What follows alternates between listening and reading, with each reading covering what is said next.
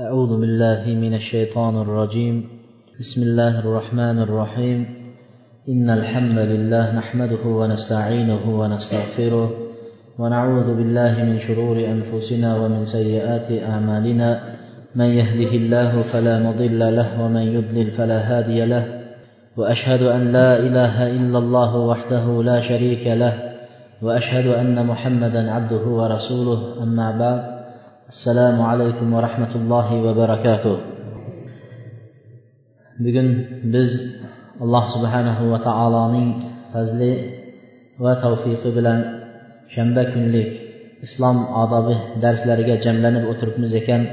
Alloh taoloning go'zal ismlari va buyuk sifatlari bilan bu darsligimizning allohning roziligi uchun bo'ladigan darslik bo'lishligini va davomiy bo'ladigan darslardan bo'lishligini alloh taolodan so'raymiz. Biz avvalgi darslikda tavba to'g'risidagi mavzuga kelgan edik va tavbaning fazli tavba haqidagi ba'zi bir avvalgi o'tgan solih kishilarning hayotlari shularga to'xtaldik. Hozirgi davom ettiradigan mavzuyimiz tavbaning tavbadagi uchraydigan xatolar. Tavbada uchraydigan xatolar tavbaning qabul bo'lish shartlari tavba bilan istig'forning farqi ayirmasi nima ekanligiga to'xtalamiz. Birinchisi tavbada uchraydigan xatolarning eng birinchisi har bir xatoni aytgan vaqtimizda o'zimizda shu xato topiladimi yo'qmi? Shunga yaxshilab ahamiyat berishimiz kerak. Tavba haqida gapirgan vaqtimizda qo'shnimizdan do'st birodarlarimizdan qarindosh urug'imizdan mahallamizdagi kishilarga juda loyiq keladigan gapni gapirdi deb o'zimiz xuddi farishtaday oppoq bo'lib qolmasimiz kerak. Eng avvalo gapirilayotgan gapni o'zimizdan nima qilishimiz kerak? O'zimizda topiladimi shu narsa yo'qmi degan narsa bilan o'ylab turishimiz kerak. Ana shundagina har bir kishi o'zini to'g'rilikka nima qilaveradi? To'g'ri yo'lga sola biladi. Agar bir domla gapirsin bir olim gapirsin bir imom gapirsin gapirgan gaplarini juda bu gap palonchaga tegishli bo'ldi. Bu gap tugunchaga tegishli bo'ldi deb hamma gapni har yoqqa tarqatib tarqatib o'zi hech narsadan chiqib ketishligi bu foydasiz chiqish bo'ladi. Darsga qatnashgandan hech qanday foyda bo'lmaydi. Shuning uchun avvalo o'zimizda topiladimi yo'qmi qarashimiz kerak. Birinchisi tajilu tavba deydi. Tajilu tavba. Tajilani tajilu tavba. Tajilu tavba degani juda ko'p kishilarda uchraydigan xatolarni birinchisi juda ko'p kishilarda uchraydigan xatolarning birinchisi falon amal gunoh ekan desa shuni eshitadida masjidda juma xutbalarida yo falon joylarda eshitadida lekin ha gunoh ekan dedi deydi ammo o'sha amalni tashlamaydi. Tavbani kechiktiradi. Tavbani kechiktiradi. Darrov shu amalni gunoh ekanini eshitgandan keyin man shu amalni bilmagan ekanman yo alloh. Men shundan tavba qildim istig'for aytaman senga. Gunohimni mag'firat qilgin deb turib shundan foyda xulosa olib darrov to'xtatib amalni nima qilmaydi? Boshqa amalga ko'chmaydi davom etib ketaveradi. Masjidda eshitadi chiqadi shu shu masjidga qanday kelsa shunday chiqib ketaveradi. Shuning uchun tavbaning birinchi uchraydigan xatolari deydi bu yerda ba'zi kishilar gunohlarini biladi lekin xosatan bu yerda aytganlaridan namoz o'qimaslikning gunohi qanchalik katta ekanligini biladi lekin yoshmiz deydi. Qariroq bo'lganda tavba qilamiz keyin namoz boshlaymiz deydi. Ishlamiz deb bahona qiladi. Ishda ishlayapmiz ishdan bo'shasak keyin deydi bizani musulmonchilikka ko'chamiz deydi. Tavbani ishdan bo'shashlikka yoki yoshning qarilik vaqtiga kechiktiradi. Buning o'zi deydi katta bir gunoh deydi.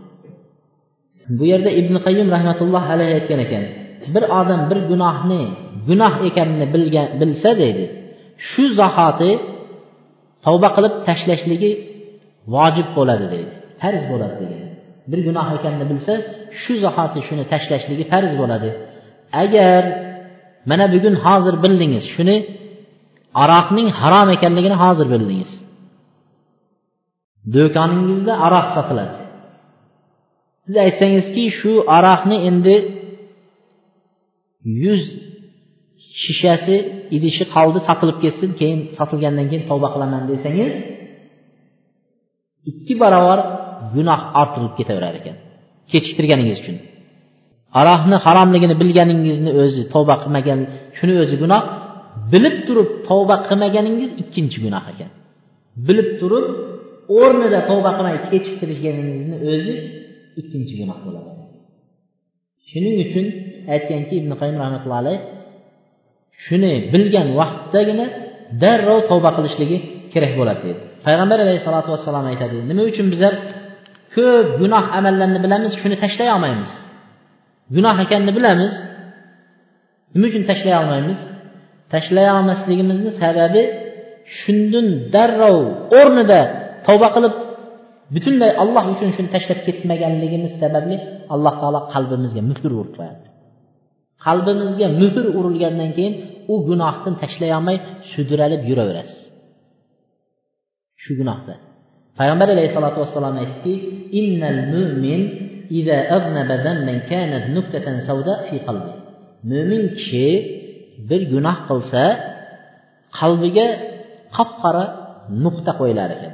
Qalb oppoq bo'lsa qalbga nuqta qo'yiladi agar tavba qilib gunohni qilgandan keyin tavba qilib istig'for aytib shunday qilsa nima qildi? Nuziya shu qora nuqtani alloh taolo sug'urib olib tashlaydi deydi yoki bo'lmasa dedi istag'fara astag'firulloh astag'firulloh deb istig'for aytsa xuddi zanglagan temirni charxga tutsangiz qanday oqartiradi charxlab oppoq qiladi.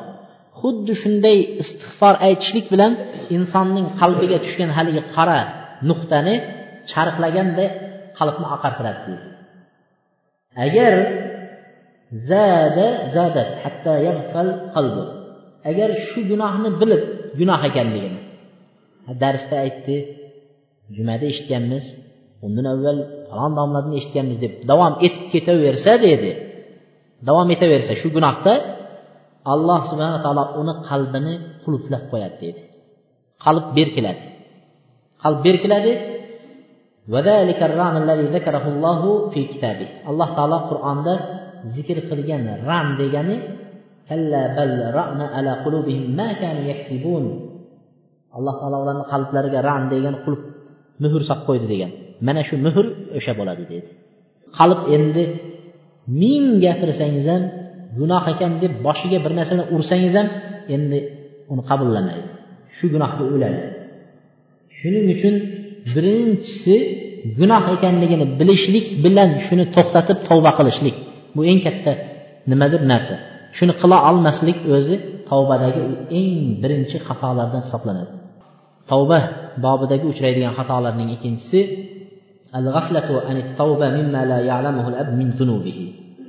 biz hayotimizga ozgina nazar soladigan bo'lsak har odam o'zini hayotiga nazar solsa xuddi bir gunohingizni izlasangiz gunoh yo'q odamday o'tirasiz.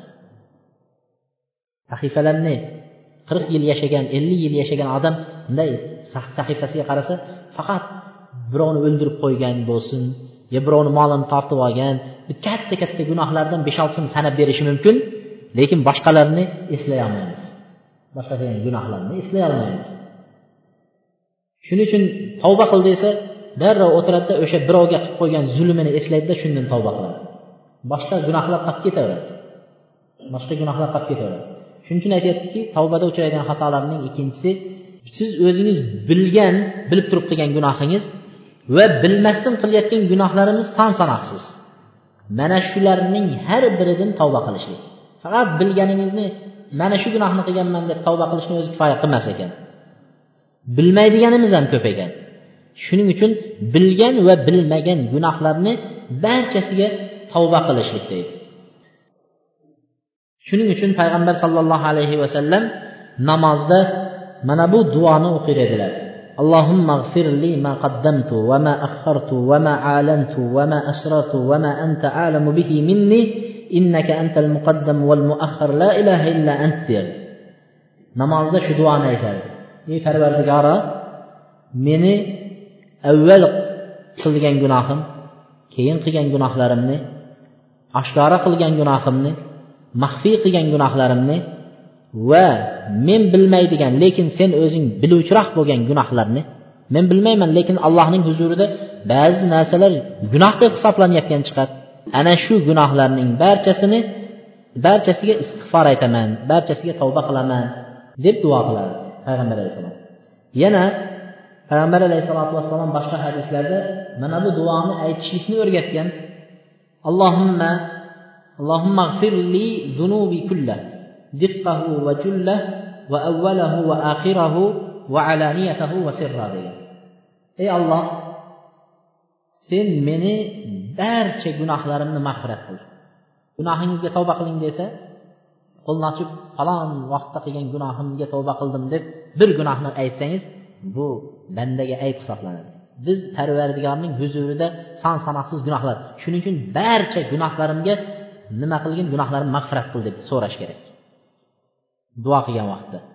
Keyin diqqahu nozik kichkina arzimas bizni nazarimizda gunoh deb hisoblamaydigan gunohlar bor. Lekin sahobalarning davrlarida buni halok etuvchi gunohlar gunoh kabiralar deb aytishgan. Biz nazarimizga ham ilmaymiz bu gunohlarni.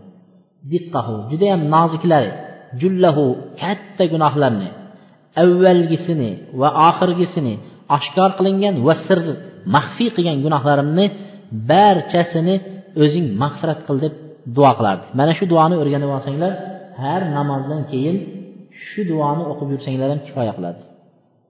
Kifoya qiladi deganda shu darsdan olgan bugungi foydanglar uchun kifoya qiladi.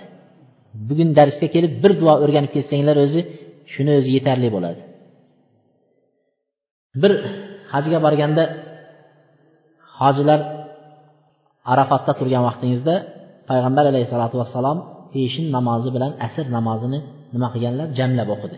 Toki asr vaqtida duo peshindan keyin shu peshin asrni o'qib bo'lgandan keyin duo qiladi to kun botguncha. Payg'ambar alayhissalom o'rtada yana tahorat qilib asr vaqtiga yana vaqt ketmasin deb ikkisini jamlab o'qidilar. Shundan tikka turganlaridan to kun botguncha payg'ambar alayhissalom o'tirmadilar qo'llarini ko'tarib duo qildi. Hatto sahobalar o'yladiki payg'ambar alayhissalom bugun arafat kuni ro'za tutib olibdi deb. Arafat kuni. Ammo boshqa hadislarda payg'ambar alayhissalom aytgan kim hajga bormagan kishilar uylarida arafat kuni arafa kuni ro'za tutishni buyurganlar. Ammo hajda bo'lgan kishilar arafa kuni ro'za tutmaydi. Sahobalar ixtiloflashdi. Bugun payg'ambar alayhissalom hajda turib ro'za tutdimi yo'qmi deb hayron bo'lishdi nimaga? Qimirlamaydi. Bir joyda turganidan bir qultum suv ham ichmaydi parvardigorga munojat qilib tavba qiladi istig'for aytadi unda birtasini yubordi sut ko'tarib keldilar payg'ambar alayhissalom oldiga. Sinab ko'rish uchun. Ro'zadormi emasmi deb. Shunda payg'ambar alayhissalom haligi sutni ichdilarda yana duoda davom etdilar. Shundan bilishdiki payg'ambar alayhissalom ro'za emas ekanligini. Lekin to quyosh botguncha payg'ambar alayhissalotu vassalom o'tirmadilar tikka turib duo qildi gunohlariga istig'for aytdi. Bizdan borgan hojilar eng g'animat fursat al hajju arafa degan payg'ambar alayhissalom aytganlar haj arafa kuni arafatda turib duo qilishlik eng hajning eng asosiy rukni shu vaqtni g'animat qiladigan vaqt bo'lsa borishib sekin yotishadi. Duo qiling desa nima duo qilishni ham bilishmaydi. Gunohlaringizni so'rab alloh mag'firat qilsin deb duo qiling desa uch to'rtta gunohni sanaydida so'radim deydi. Xuddi gunohi yo'q odamday sahobalardaymiz yoki bo'lmasa farishtalarday gunohdan kam gunoh qilmagan odamlarday o'tiramiz biz borsak shuning uchun unday emas bilganingizga ham bilmasdan qilgan gunohlarga ham inson nima qilish kerak ekan? Tavba qilib istig'for aytishlik kerak. Uchinchisi uchraydigan xatolarning uchinchisi tavbada gunoh qilib qo'yishim mumkin. Hozir shu nimadan? Shu gunohdan tavba qilmay turaman deydi. Shu gunohga bilaman deydi. Lekin tavba qilmay turaman deydi. Nimaga desa yana gunoh qilib qo'yishim mumkin deydi. Ko'p uchraydi hajga boring desa haj insonni haqiqiy hajjil mabrur allohning huzurida qabul bo'lgan haj insonni onadan tug'ilgan chaqaloq go'dakdaqa gunohidan pok qilar ekan desa aytadi yo'q qariganda borish kerak ekan deydi. Nimaga desa hozir hajdan pok bo'lib kelsang o'rtada gunoh qilasan yana baribir bo'lib qoladi deydi. Shuning uchun deydi gunoh qilish niyati ham borda uni hali. Shuning uchun nima qiladi? Gunoh qilamiz. Gunoh qilib qo'yishdan qo'rqaman. Shu gunohdan qo'rqqanligi uchun savob amalni ham qilmayapti. Yana shu gunohiga tavba qilib kelish hajga borib tavba qilib istig'for aytishdan o'zini olib qochyapti shuni aytadiki gunohni yana qaytib qilib qo'yaman deb qo'rqqanligidan nima qilmasligi? Tavba qilmaslikning o'zi xato. Tavba qilish kerak. Tavbani bildingizmi shu gunohni shu o'rinni o'zida tavba qilishligi kerak bo'ladi. Ba'zi kishilar namozni mutlaq tark qilib qo'yadi.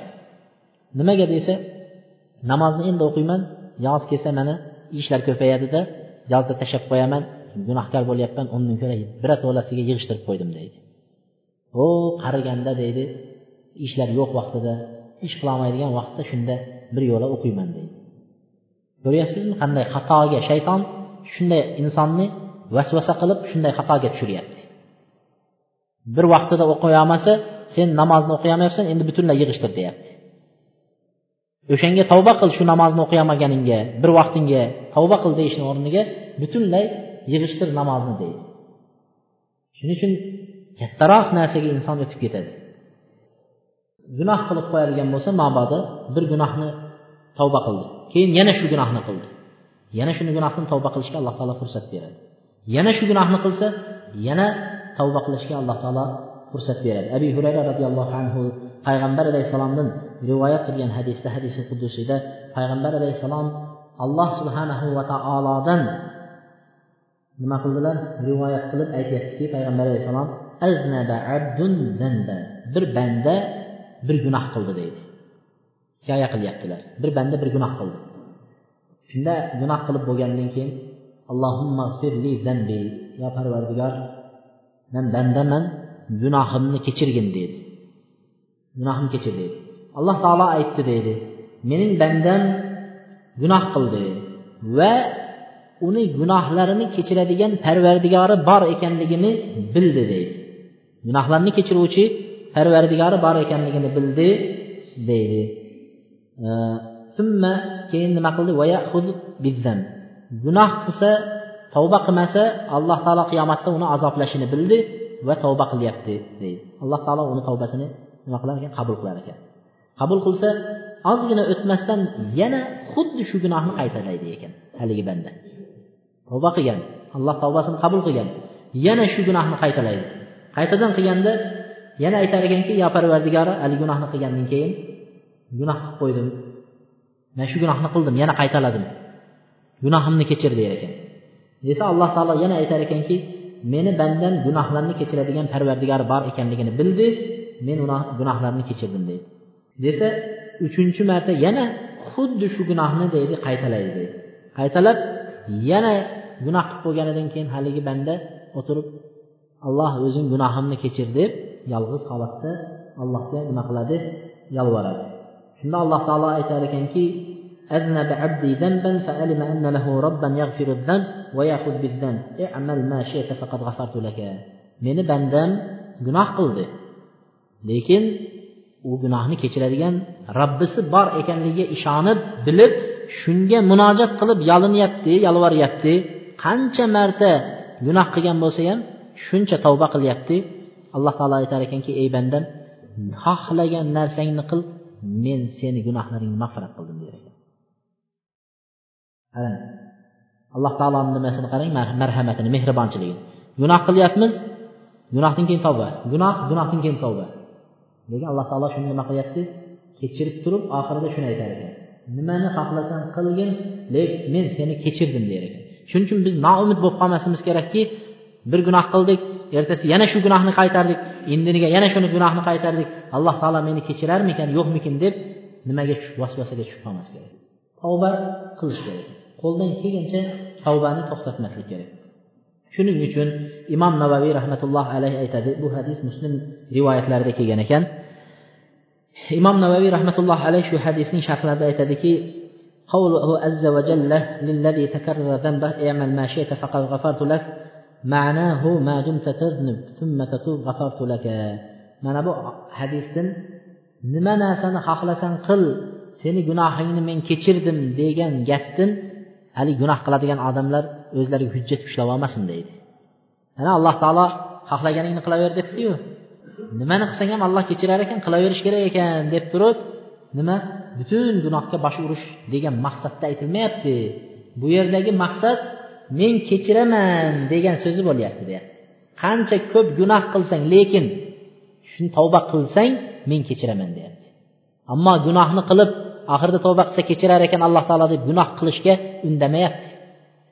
Shuning uchun gunoh bu hadisni dalil qilib alloh taolo shunaqa degan ekan mana hadisda bor ekan deb turib gunoh qilayotgan odam qo'rqsin. Alloh subhanaa taolo tavba qilishlikka yetkazmay o'lib ketsa alloh taolo kechirmaydi. Tavba qilishlik ham allohning tavfiqi bilan bo'ladi. Alloh kimga nasib qilsa bo'ladi u ham. Shuning uchun imom navaviy rahmatullohi alayhi aytgan ekanlar أنه لو تكرر الذنب مئة مرة أو ألف مرة أو أكثر وتاب في كل مرة قبل توبته وسقطت ذنوبه ولو تاب عن الجميع توبة واحدة بعد جميعها صحت توبته agar bir odam tavba qilsa keyin yana shu gunohni qilsa yana tavba qilsa yana shu gunohni agar yuz marta bo'lsa yoki ming marta bo'lsa ham debdi bir gunohga qilyapti tavba qilyapti qilyapti tavba qilyapti alloh taolo uni tavbasini qabul qiladi tavbasi sahih debdi yoki debdi bir gunohni yuz marta qaytarib qilgan bo'lsa bir gunohnida oxirida bir marta tavba qilsa ham alloh subhana taolo uning gunohini kechiradi tavbasini qabul qiladi. Bu alloh taoloning mehribonchiligi. Bandalarga berayotgan shunchalik keng mehr arhamar rahimin degan alloh taoloning sifatlariga dalolat qiladi. Bu yerda bir ulamolar aytishgan ekan قد يحدث أن يعود الإنسان للذنب الذي تاب منه فما حكم توبته الأولى من نفس الذنب الذي تاب منه بعض olimlar aytgan ekanki bir odam bir gunoh qilsa keyin shu gunohni gunoh ekanini bilib tavba qilsa keyin yana shu gunohni qilsa debdi yana shu gunohni qilsa avvalgi qilgan tavbasi habata bo'lib ketadimi debdi avvalgi qilgan tavbasi nimaga bir gunohni takrorlayapti u debdi avvalgi qilgan tavbasi ham habata bo'lib qaytadan avvalgisiga ham bunga ham tavba qilaman deb aytish kerakmi? Debdilar. Ba'zi ulamolar aytgan ekanki avvalgisi habata bo'lib ketadi.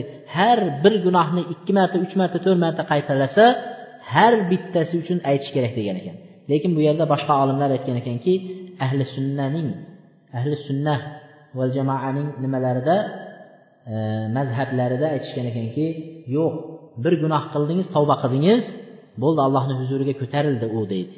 allohni huzuriga ko'tarildi e, o'sha gunohni yana takrorlasangiz yangidan tavba qilasiz yangidan yana ko'tarilaveradi degan ekan avvalgisi habata bo'lib ketmaydi degan ekanlar إن التوبة من أكبر الحسنات فلو أبطلت أبطلتها معاودة الذنب لأبطلت غيرها من الحسنات أجر توبة إن كتا nimalardan hasanatlardan degan yaxshiliklardan degan inson bir tavba gunohga tavba qilishligi eng yaxshi yaxshiliklarning turidan bo'ladi degan agar shu nima gunoh qilsa avvalgi tavbani habata qilgan bo'lsa deydi unda shu qilgan gunohingiz umringiz mobaynida o'qigan namozlaringizni ro'zangizni hajingizni hammasini habata qilish kerak edi deydi. Tavba qilgan tavbani yaxshilik yaxshiliklardan yaxshilikni habata qilgandan keyin namoz ham yaxshilik uni ham habata qilish kerak ro'za ham yaxshilik uni ham yo'qqa chiqarish kerak unday bo'lmaydi degan. Shuning uchun bir gunoh qilsangiz tavba qilsangiz alloh subhanava taolo shuni qabul qiladi. Ikkinchi marta qaytarsangiz yana tavba qilsangiz yana bu alohida hisob bo'ladi deydi. Tavbada uchraydigan xatolarning to'rtinchisi ba'zi odamlar tavba qilishdan odamlar ustimning kulishi mumkin deb ba'zi bir gunoh amallarni tashlamaydi. Odamlarning kulishidan qo'rqishadi deydi. Misol uchun masjidga borib namoz o'qishlik. Jamoatlarga qatnashishlik. Mana shunga o'xshagan narsalarni ayniqsa masjidga kelmagan masjidga qadam qo'ymayotganlar namoz o'qimayotganlarni masjidga chaqirsangiz ikki oyog'ini tirab turib oladi. Masjidga kirishlik shunchalik qo'rqadi. Nimaga? Buni sababi yonida yurgan oshnalari ulfatlari masjidga bordingizmi kecha? Billa o'tiruvdiku kechasi tunda. Ichgan ediku birga bugun xudojo'y bo'lib qoldingizmi domla bo'lib qoldingizmi deb kulishidan qo'rqib oshnalarni ulfatlarni qo'yingki o'zining yurgan birodarlari o'zini yurgan jamoatining kulgusidan qo'rqib yaxshi amallarni qilmayveradi. Shular qani yomon amal qilsa billa qilaveradi. Lekin yaxshi amalga chiqib shularni ichidan chiqib ketishga nima qiladi? Uyaladi yoki qo'rqadi. Shunday odamlarga aytadigan aytiladigan so'z birinchidan o'sha odam o'ylab ko'rsin qanday qilib odamlardan qo'rqasiz odamlardan uyalasiz lekin allohdan qo'rqmaysiz allohdan uyalmaysiz. Allohdan ham ortiq qo'rqasizmi odamlardan? Allohdan ham ortiq odamlardan uyalasizmi ba'zi gunohlarni odamlarni oldida qilmaysiz. Maxfiy qilasiz. Lekin alloh taolo ko'rib turib odamlardan uyalib odamlarni oldida qilmaysiz. Lekin alloh taolo ko'rib turibdi deb uyalib shu gunohdan tiyilmaymiz. Shuning uchun aytadiki qanday qilib alloh taolodan odamlarning qo'rqishini afzal qilib ortiq qilasiz? deydi ikkinchidan odamlar agar mabodo kulsa masxara qilsa sizni ustingizdan bu alloh taolo tarafidan berilayotgan imtihon alloh taolo sizni imtihon qilib ko'ryapti bandam haqiqiy tavba qilibdimi yo'qmi?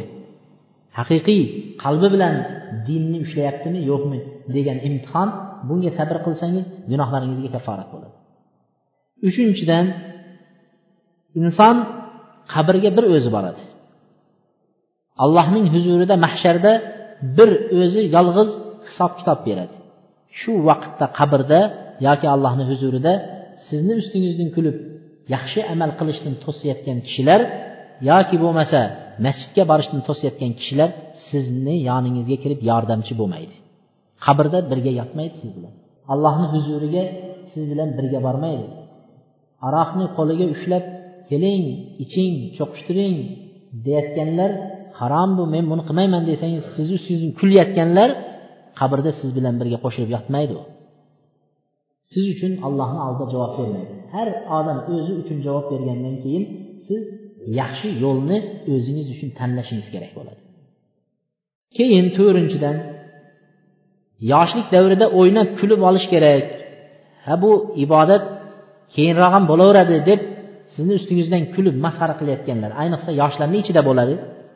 Shunday qilib yoshlarni yo'ldan uradi.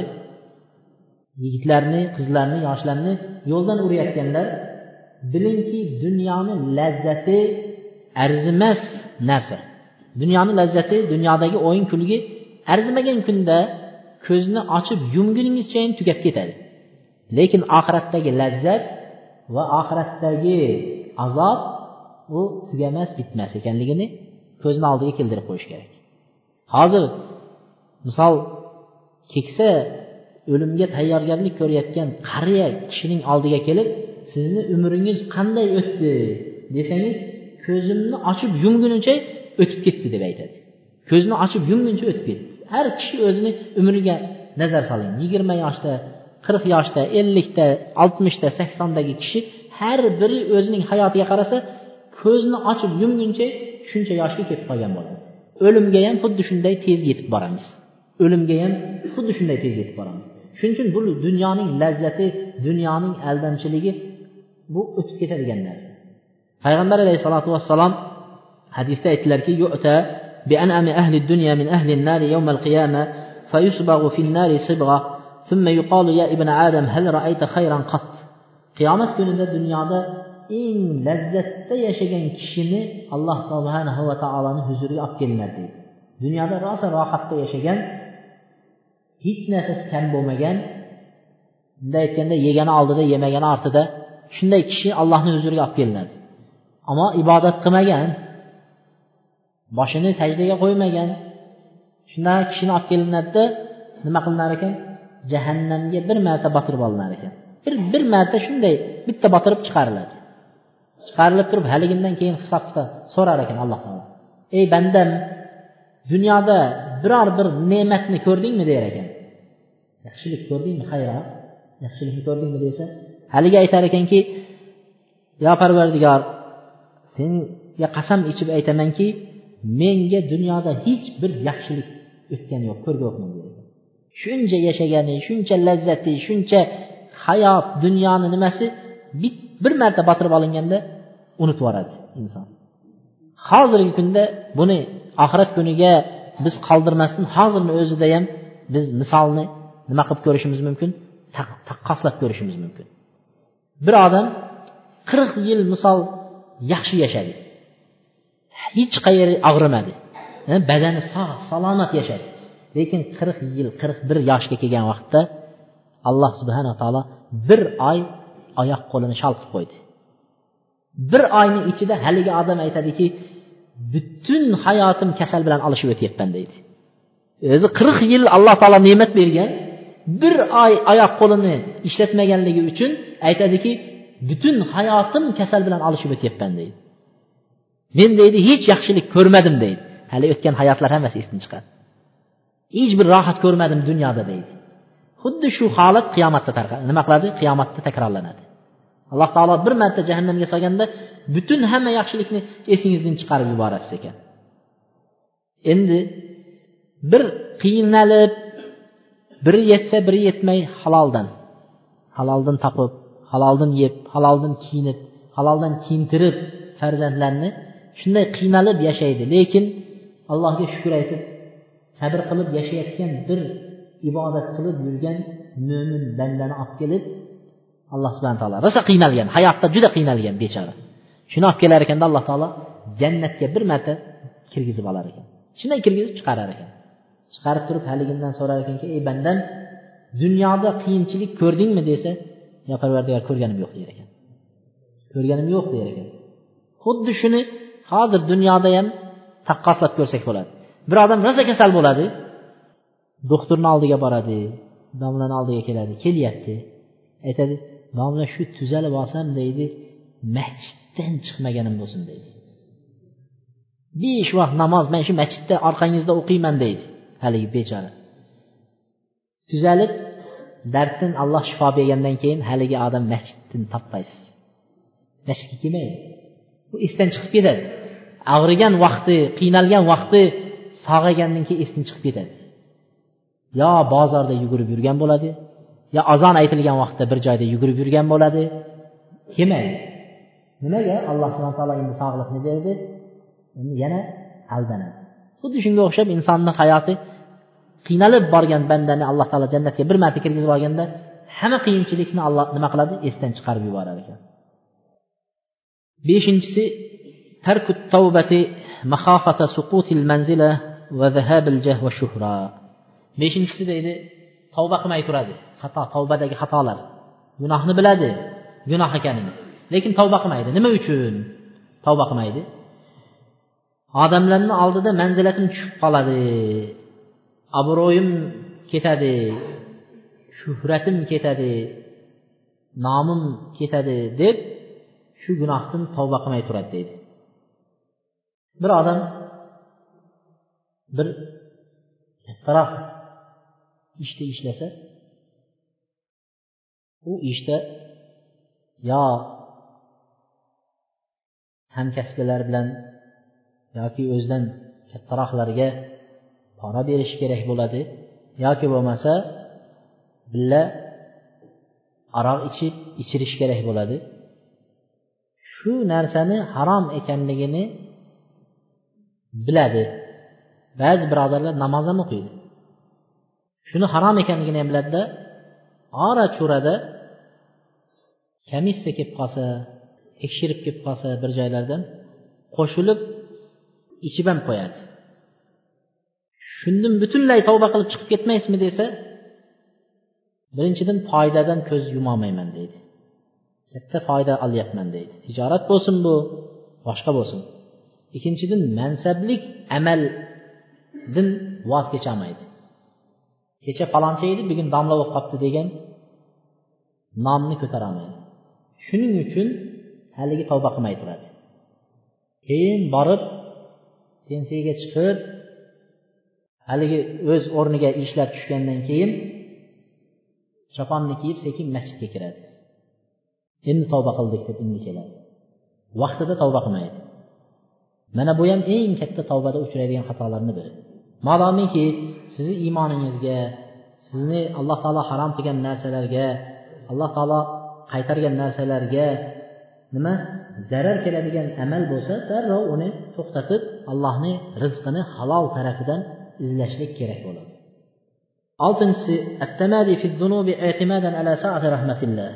oltinchi xato tavbada uchraydigan xatolarning oltinchisi mana shuncha tavba haqida gapirgandan keyin aytadiki alloh taolo juda kechirib yuboradigan zot ekan. Qancha gunoh qilsang alloh kechirar ekanu deb allohning rahmati keng ekan deb turib gunohlarni bemalol qilaverishlik ba'zi birovlar alloh taolo g'afurur rohim alloh taolo kechiruvchi rahmdil zot degan deb turib gunohlarni bemalol qilaveradi. Mana shu ulamolar aytadiki bu eng johillik va ahmoqlikning bir turidir deydi. Alloh subhanahu va taoloning rahmati alloh taolo rahmdil zot kechiruvchi zot degani deydi rahmatulloh qaribun minal muhsinin. Allohning rahmati muhsinlarga yaqindir deydi. Muhsinlar uchun muhsinlar degani tavba qilib yaxshi amal qiladiganlar uchundir yomon amallarni qiladiganlar uchun emas deydi. Alloh taolo tavbani qabul qiladi lekin ataylab qasdin qilayotgan kishilar uchun emas. Deyapti yana alloh subhana taolo boshqa bir oyatda aytadiki nabbi ibadi anni anal g'afurur rohim va anna azabi huval azabul alim deydi bandalarimga xabar bering ey muhammad alayhissalom men kechiruvchi rahmdil zotman shu bilan birgalikda nima deyapti endi odamlar hammasi alloh taolo kechiruvchi ekan deb gunohlar qilib ketmasin deb turib bu yog'ida yana xabarini beryaptiki va mening azobim alamlantiruvchi azob deydi agar kechiruvchiman rahmdilman lekin gunoh qilsang meni azobim alamlantiruvchi deyapti.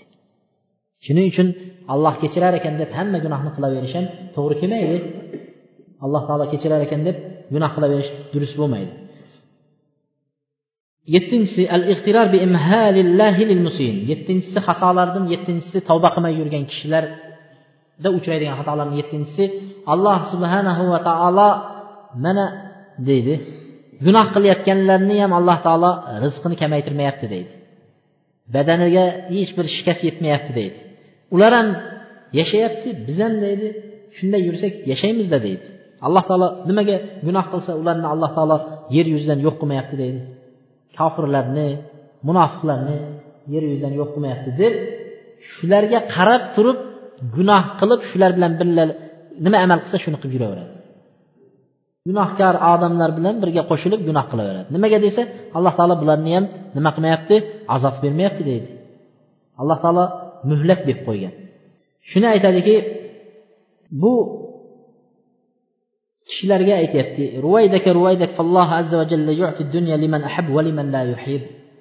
Bunday odamlarga aytyaptiki alloh subhanahu va taolo bir kishiga gunoh qilib tursa ham dunyoni mo'l ko'l qilib yuborgan. Bir kishi ibodat qilib sajda qilib yolinib yolvorib namoz o'qisa ham bechorani rizqi tor. Juda zo'r g'alatdan rizqi keladi. Haligi odam haligim bilan aldanib qolmasin. Birov gunoh qilyapsa shuncha boyib ketyapsa haromdan kelib yeyapsa shuncha boyib ketyapsa unga aldanmasin deydi. Alloh subhana taolo dunyoni yaxshi ko'rganga ham yaxshi ko'rmaganga ham alloh taolo dunyoni beraveradi deydi. Dunyo bilan hisoblanmaydi bu deydi. Lekin alloh taolo iymonni iymon ne'matini faqat o'zi yaxshi ko'rgan kishiga beradi deydi. Iymon faqat alloh taolo yaxshi ko'rganga. Hidoyat faqat alloh taolo yaxshi ko'rgan kishiga beriladi. Ammo dunyo bilan taqqoslanmaydi deydi.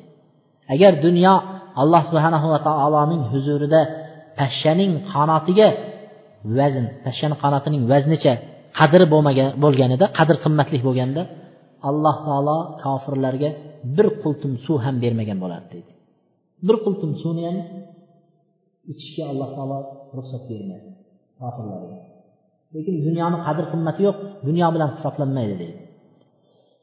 Ikkinchidan payg'ambar alayhisalotu vassalom aytadiki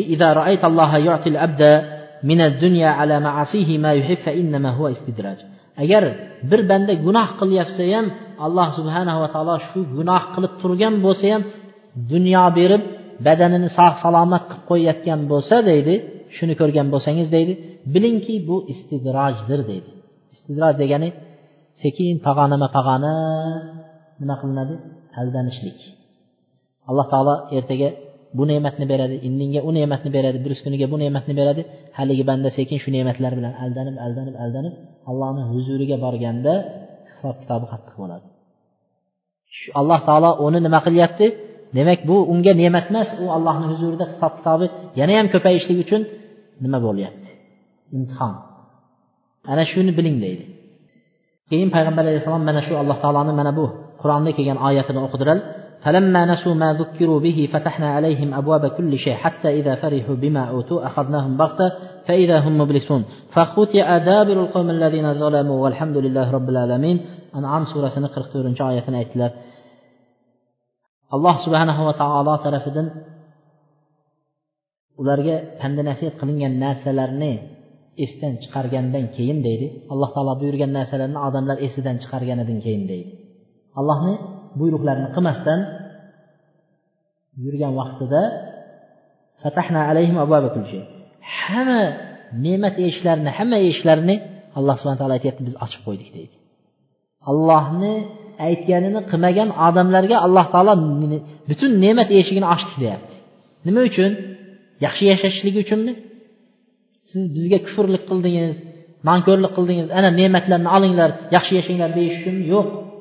Hatto ular haligi yig'ayotgan narsalari olayotgan narsalardan xursand bo'lib turgan vaqtida deydi xuddi hozirgi zamonga o'xshab butun ne'mat eshiklari ochilgan odamlar dunyoga mukkasidan ketgan bir tanga topsa ham xursand ming tanga topsa ham xursand lekin namozdan boshqadan un qizig'i bo'lmay turgan bir vaqtda deydi nima qilamiz deb tasodif hech kim o'ylamagan tarafdan birdaniga ushladik ularni deydi. Azob bilan ushlashni aytadi. Azob bilan ushladik hamma xursand bo'lib yurgan vaqtda nima kelyapti? Suv bosyapti. Qancha odam o'lyapti. Hamma o'yiga kelmagan xayoliga kelmagan vaqtda zilzila bo'lyapti qancha odamlar shuni tagida o'lyapti. Shunday alloh taolo bir ne'matlarini yog'dirib qo'yishligining bir nimasi inson qo'rqishi kerak ekanki shuning uchun o'tgan o'tgan sahobalar tobeinlar olimlar agar mol dunyo oqib kelayotsa o'tirib olib yig'lar ekan. Yo alloh taolo mol dunyoni oqqizib yuboryapsan yo bu menga bir hida ya'ni alloh tarafidan bir kelayotgan menga imtihon balo bo'lib kelmasa bo'ldi. Mol dunyo kelib men shu bilan bir g'arq bo'lib bir narsa bo'lmasam bo'ldi. Ikkinchidan oxiratdagi jannatdagi ne'matlarimni hammasini dunyoda berib qo'yib oxiratda jannatda sen hamma ne'matlaringni dunyoda yeb o'ynab kulib bo'lgansan deb shuni mahrum qilib qo'ymasang deb yig'lashar ekan. Hatto ba'zilari badaniga kasallik kelmay qolsa badanlariga kasallik kelmay qolsa ba'zi sahobiy ayollar yoki o'tgan solih kishilarning ayollari erlaridan kelib shunday uyiga mol dunyo oqib kelib turgan vaqtida hech bir kasallikdan shikoyat bo'lmagan vaqtda kelib erlariga aytgan ekanki meni talog'imni bering degan ekan. Nimaga degan vaqtda biz ollohning yomon ko'rgan bandalaridan bo'ldik shekilli degan ekan. Alloh taolo bizga dunyoni oqqizib yubordi. Bizni esdan chiqardi bizni imtihon qilmayapti na badanimizda na dunyo bilan. Biz allohni yomon ko'rgan bandalarining bir sifati bo'ldi shekilli menga talog'imni bering deb so'rashgan ekan. Badanlarida kasallik bo'lsa mol dunyosida boyag'inday imtihon bo'lsa unda alhamdulillah der ekan. Alhamdulillah. Endi hozir bizni ayollarimizni ko'ring. Og'risangiz aytadiki og'riyverar ekansiz meni talog'imni bering deydi. Yoki bo'lmasa bir kun cho'ntagingizda pulingiz bo'lmasa keladi bormi deydi yo'q desangiz e, deydi. Bering deydi javobni bering deydi. Alhamdulillah alloh taolo bizni yaxshi ko'ryapti ekan nima deyish sakkizinchisi al yasu min tavbatil usad.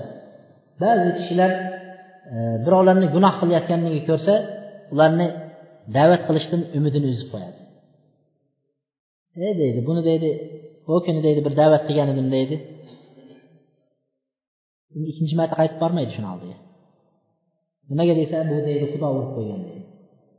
Endi o'zini ayblashi mayli aytadiki buni deydi dadasi uni dadalari ham o'zi xudo urgan odam bo'lib o'tgan deydida astag'firulloh. Shunday yomon sifat bizda bor. O'zini ayblaymiz keyin o'ziniki dadasi uni dadasiga ham o'tamiz. Mana bu eng katta tavbada uchraydigan xatolarni biri. Tavbada uchraydigan xatolarni biri mana shu xato. Shuning uchun ibn boz rahmatulloh alayhni e, saudiya arabistonining muftisi bo'lib o'tgan kishi alloh rahmat qilsin. Shu kishining oldiga shogirdlari kelibdi.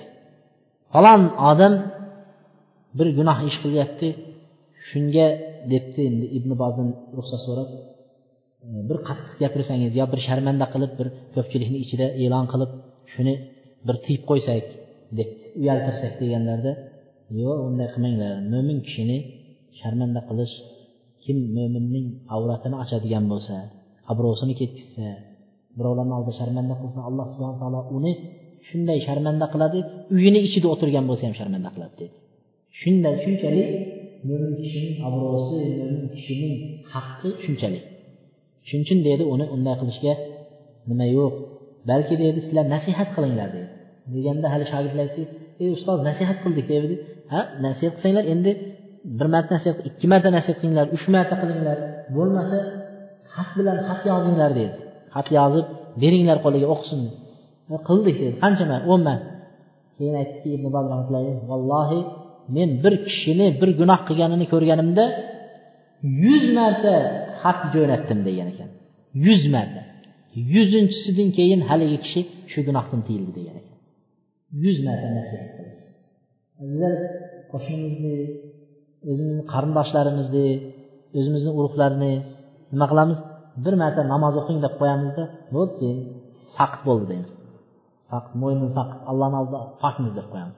Yo'q. Nasihat qilish kerak. Yuz martagacha eng bo'lsin nasihat qilishlik kerak. keyin nima qilmaslik kerak shularning tavba qilmaydi bu shunday o'tib ketadi degan narsani aytmaslik mana bu yerda sahih muslimda jundub roziyallohu anhudan payg'ambar kelgan rivoyat bo'lgan hadisda payg'ambar alayhissalotu vassalom aytdilar أن رجلا قال والله لا يغفر الله لفلان وإن الله تعالى قال من ذا الذي يتعلى علي أن لا أغفر لفلان وإني قد غفرت لفلان وأحببت عملك degan ekan bu hadisni avval ham aytganmiz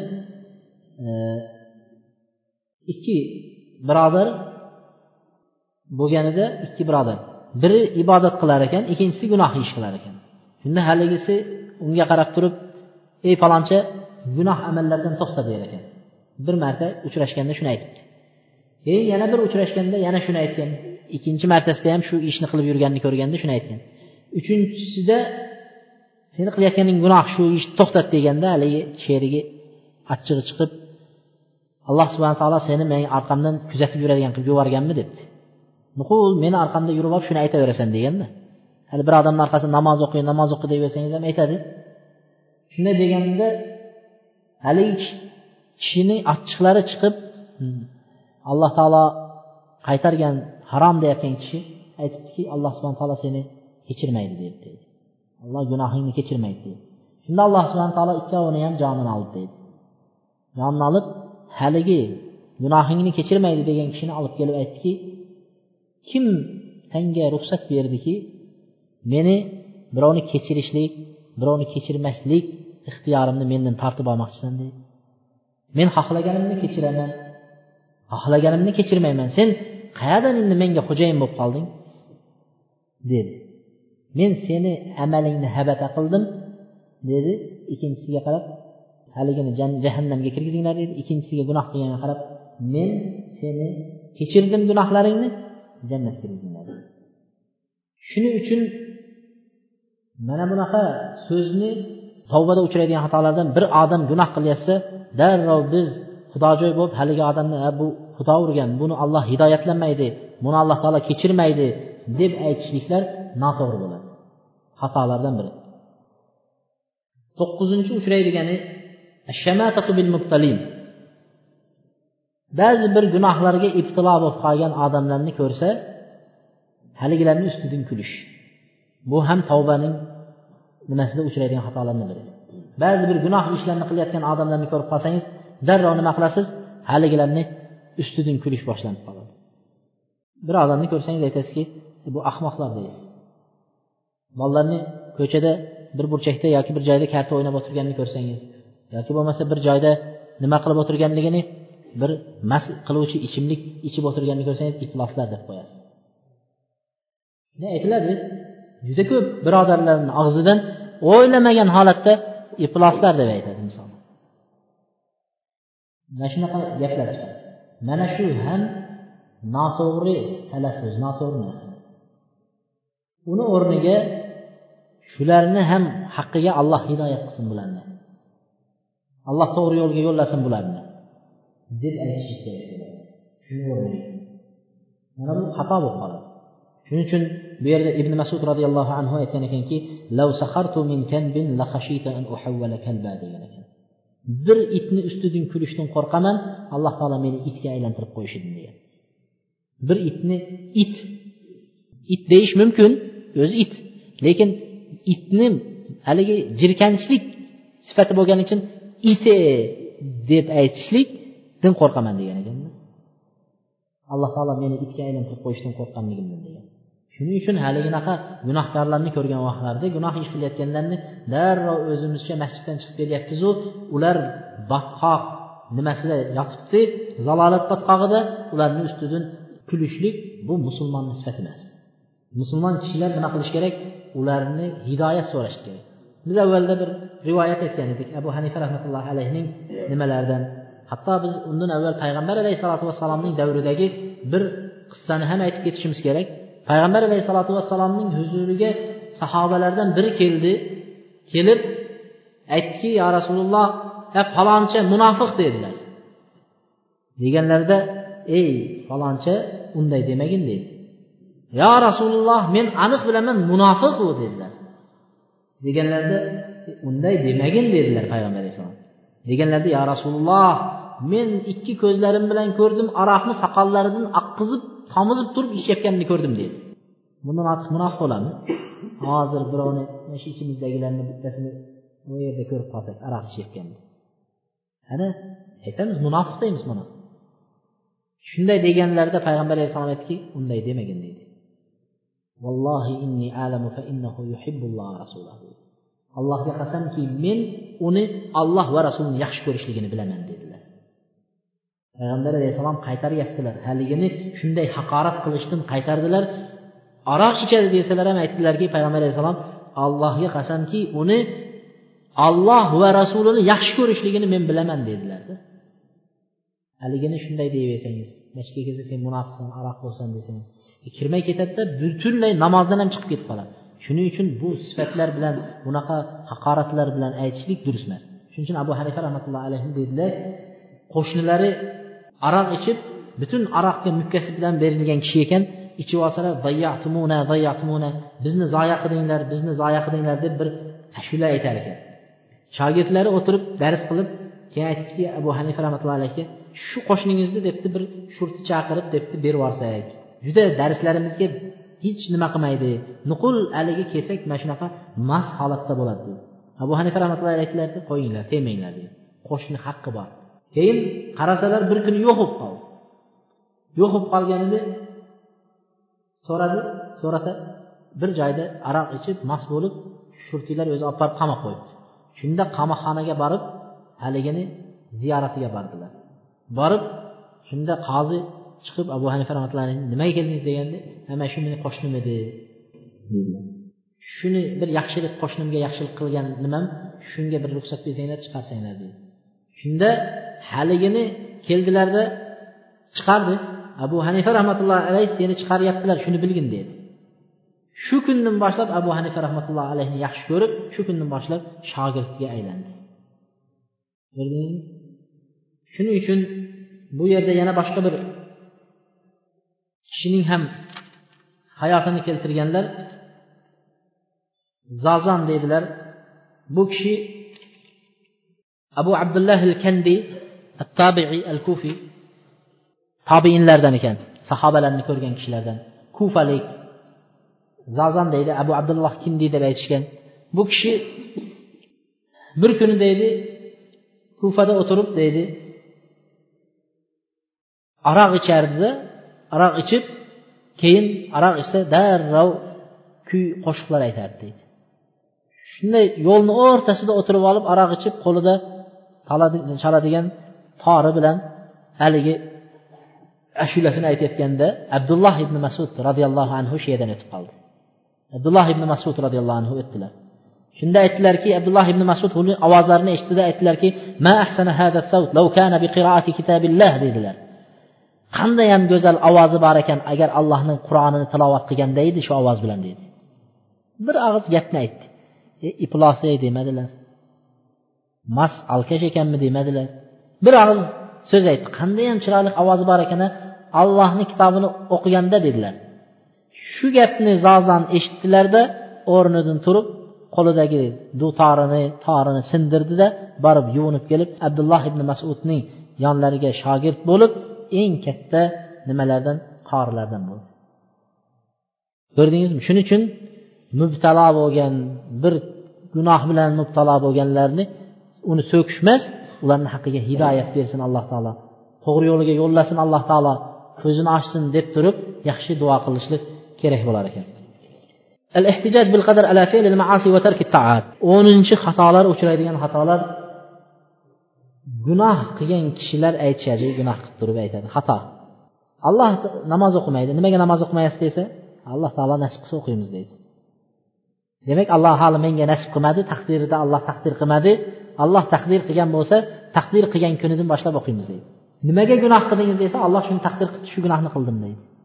Qadarni hujjat qilib ushlaydi qadar allohni qadari bilan bo'ldi bu narsa deb darrov qadarni yomon gunohlarga hujjat qilib ushlaydi mana bu narsalar durust emas va tavbadagi xatolardan biri. Bunga shayxul islom ibn taymiya rahmatullohi alayhi aytgan ekanki وليس لأحد أن يحتج, أن يحتج بالقدر على الذنب باتفاق المسلمين وسائر أهل الملل وسائر العقلاء biror odam gunoh qilib turib shu gunohni qilganiga allohning qadari bilan bo'ldi deb hujjat qilishligi bu biror ahli islomning ulamolarini ichida bo'lsin aqlli kishilarning ichida bo'lsin birontasini ichida hujjat qilishlikka arzimaydi hujjat qilishlikka haqqi yo'q degan ekan Har bir kishi agar shuni durust gunoh qilgandan keyin allohni qadari bilan bo'libdi deb hujjat qiladigan bo'lsak deydi gunoh qilib qo'yib turib allohni qadari bilan bo'libdi desak unda bir odam bir odamni yomon ko'rsa keladida bir urib o'ltirib qo'yadida allohni qadari bilan bo'libdi deydi. Allohni qadari bilan bo'libdi deydi. Yer yuzida yer kurrasidagi nizom insonlarning yashashlik anaqasi buzilib ketadi. Hamma qadarni hujjat qiladigan bo'lsa. Shuning uchun aytishganki qadarni hujjat qilishligi bu durust kelmaydi deydi va bu yerda ulamolar juda ko'p nimalarni keltirgan dalillarni keltiribdi birinchidan qadarni hujjat qilish mumkin emasligiga gunoh amallarga qadari allohni qadari bilan bo'libdi deb hujjat qilish mumkin emasligiga birinchi aytadiki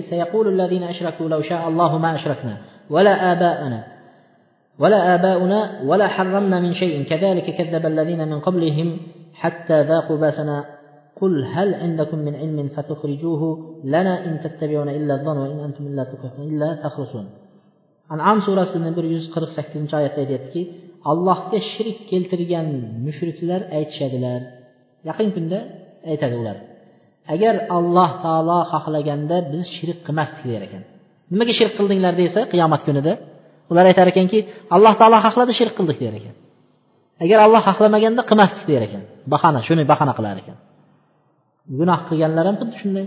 Alloh xohlasa namoz o'qiymiz alloh xohlamadi o'qimaymiz deydi. Shuni shunday deyar ekan. Biz shirk qilmasdik alloh xohlaganda otalarimiz ham shirk qilmagan bo'lardi alloh xohlaganda. Va biror narsani o'zimizcha haromga ham chiqarmasdik halolga ham chiqarmasdik deb aytadi deydi. Alloh taolo bularni xuddi shunday bundan avvalgilar ham ana shunaqa yolg'on gapirishgan deydi. Bularni gapini yolg'on deyapti. Avvalgilari ham xuddi shunday yolg'on gapirgan hatto allohning azobini tartib ko'rgungacha deydi demak bular shirik qilganliklariga qadarni allohni taqdiri bilan bo'ldi deb hujjat qilgan edi. Nima bo'ldi? Alloh taolo uni hujjatni qabul qilmadi. Yolg'on bu deydi. Alloh taolo gunoh qilishga odamni majburlamayapti. Alloh subhana taolo gunoh qilishga odamni majburlab orqasidan shu gunohi uchun alloh taolo jazo bermaydi.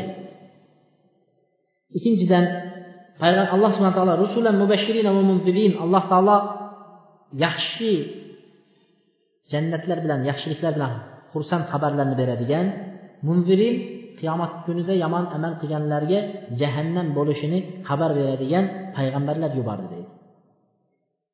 Agar bir odam gunohni allohning qadari bilan gunoh qildim deydigan bo'lsa unda bu ishni qilsang oxiratda azobi bor deb aytishni nima foydasi bor deydida bu ishni qilsang orqasida oxiratda azobi bor deb payg'ambarni yuborishni nima keragi bor vaholanki alloh taolo uni majburlab shu gunohni qildirsa majburlab shu gunohni qildirsa deydi uchinchidan alloh subhanava taolo bandaga nima narsaga buyurgan bo'lsa kuchi yetadigan narsaga buyurdi nimadan qaytargan bo'lsa alloh taolo nima kuchi yetadigan narsalardan alloh taolo qaytardi shuning uchun la nafsan illa usaha alloh taolo bir nafsni bir insonni nima narsadan qaytargan bo'lsa e, nima? Unga faqat kuchi yetadigan narsani alloh taolo taklif qilyapti insondan. Kuchi yetmaydigan narsani taklif qilmadi deydi. Agar biz aytsakki banda bir ishni majburan qilishga qilishga majbur alloh taolo tarafidan shu gunohni qilishga majbur deydigan bo'lsak unda alloh taolo insonni nima qilyapti? O'z ixtiyoriga qo'ymayapti. Alloh taolo kuchi yetmaydigan amalni ham taklif qilgan bo'lib qoladi deydi. Shuning uchun bu narsalar durust kelmaydi degan ekan. To'rtinchidan aytishganki ulamolar aytgan ekanki agar biz taqdiri bilan allohni taqdiri bilan bo'ldi gunoh deb gunohlarni taqdiriga yo'yib qo'yadigan bo'lsak unda aroq ichadigan odam aroqni ichadida allohni taqdiri bilan ichdim deydi. Gunoh zino qiladigan odam zino qilib bo'lib allohni taqdiri bilan bo'ldi deydi. Nima gunoh bo'lsa gunohlarga yo'l ochiladi. hamma gunoh qiladida nimaga to'nkaydi taqdirga to'nkab qo'yadi المحتج بالقدر على المعاصي يحرص على ما يلائمه في أمور دنيا taqdirni hujjat qilayotgan kishi deydi dunyo ishlarida o'ziga munosib keladigan yo'lga yuradi deydi nima uchun endi oxirat ishlari gunoh ishlarida deydi o'ziga to'g'ri keladigan yo'lga yurmasdan deydi hujjat qilyapti deydi misoli qanday Misoli aytadiki arada inson safar ila baladimma bir odam bir shaharga safar qilib boradigan bo'lsa deydi shu shaharga ikkita yo'l bor. Biri to'g'ri yaxshi yo'l tekis yo'l biri adir budurlardan o'tish kerak e, o'rmon so'rmonlardan botqoqlardan o'tish kerak. Ikkalasi shu shaharga olib boradi. Qaysinisidan yurishni ixtiyor qiladi inson?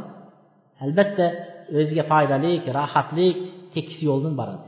Nimaga adir budurni o'ziga ixtiyor qilmadi? Allohni taqdiri deb turib shu yoqdan yurmadi.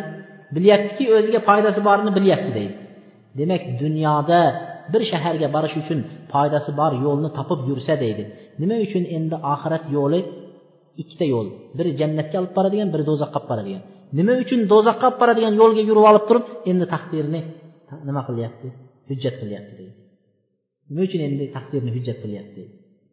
bu hujjat qabul bo'lmaydi deydi keyin yettinchidan aytadiki ومما يرد به على ذلك المحتج بناء على مذهبه أن يقال له taqdir allohni taqdiri bilan bo'ldi gunoh deyotgan kishiga deydi ayt deydi o'zining hujjat qilayotgan narsasi bilan javob ber deydi agar farzand ko'rishni xohlasang deydi inson farzand ko'rishni xohlaydi lekin shunga ayt uylanma deb ayt deydi uylanmay qo'yaver alloh taqdir qilsa farzand bo'laveradi uylanmasang ham deb ayt qabul qiladimi yo'qmi deydi uylanmasang ham alloh taqdir qilgan bo'lsa farzand bo'laveradi deb ayt qabul qiladimi yo'qmi deydi va إلا فلا فلا تأكل ولا تشرب فإن قدر الله لك شبعا وريا فسيكون وإلا فلا ichma yema qarning ochsa ichma suvsa chanqasang yema nima ichma suvni deb ayt deydi alloh taqdir qilsa qarning ham to'yadi alloh taqdir qilgan bo'lsa chanqog'ingni ham bosiladi deb ayt qabul qiladimi yo'qmi deydi.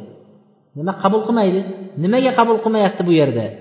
Endi bo'lsa gunoh ishga kelganda allohni taqdiri bilan bo'ldi deb aytadi deydi. Gunoh ishlarga kelganda allohni taqdiri bilan bo'ldi deb aytyapti deydi. Mana bu narsalar demak nima qilishligi qadarni taqdirni hujjat qilishligi durust bo'lmaydi. O'n birinchisi gunoh ish qilayotgan kishilar o'n birinchi xato gunohda uchraydigan xatolarni o'n birinchisi shu gunohni oshkora qilishligi yoki qilgan gunohini aytishligi oshkora qilib aytishligi joiz emas. Alloh subhana taolo bir bandani gunohini satr qilgan bo'lsa gunohini yashirgan bo'lsa alloh taolo bir vaqtlarda gunoh qilgansiz. Alloh taolo uni hech kimga bildirmadi. Lekin bir zamonlar o'tib e biz o'sha vaqtlarda bunday gunohlar qildik deb faxrlanib gapirib o'tiradiganlar bor gunohini. Gunohlarini aytib o'tiradi. Shunday qilishlik ham bu nimaga qarshi tavbaga istig'forga qarshi narsa. Shuning uchun payg'ambar sallallohu alayhi vasallam aytganki kullu ummati muafa illal mujahidin ummatimning hammasini alloh subhana taolo gunohlarini kechiradi faqat jahr qilganlarni oshkora qilganlarni deydi. Gunohlarni oshkora qilganlarni kechirmaydi deydi. Yoki gunoh qilayotganda oshkora xalqni oldida qilasiz yoki bo'lmasa qilgan gunohingizni xalqqa jahr qilib aytib yurasiz. Mana shu ikki gunoh kechirilmaydi deydi. Vallohu alam. Subhanakallohumma va bihamdik astag'firulloh va atubu ilayk.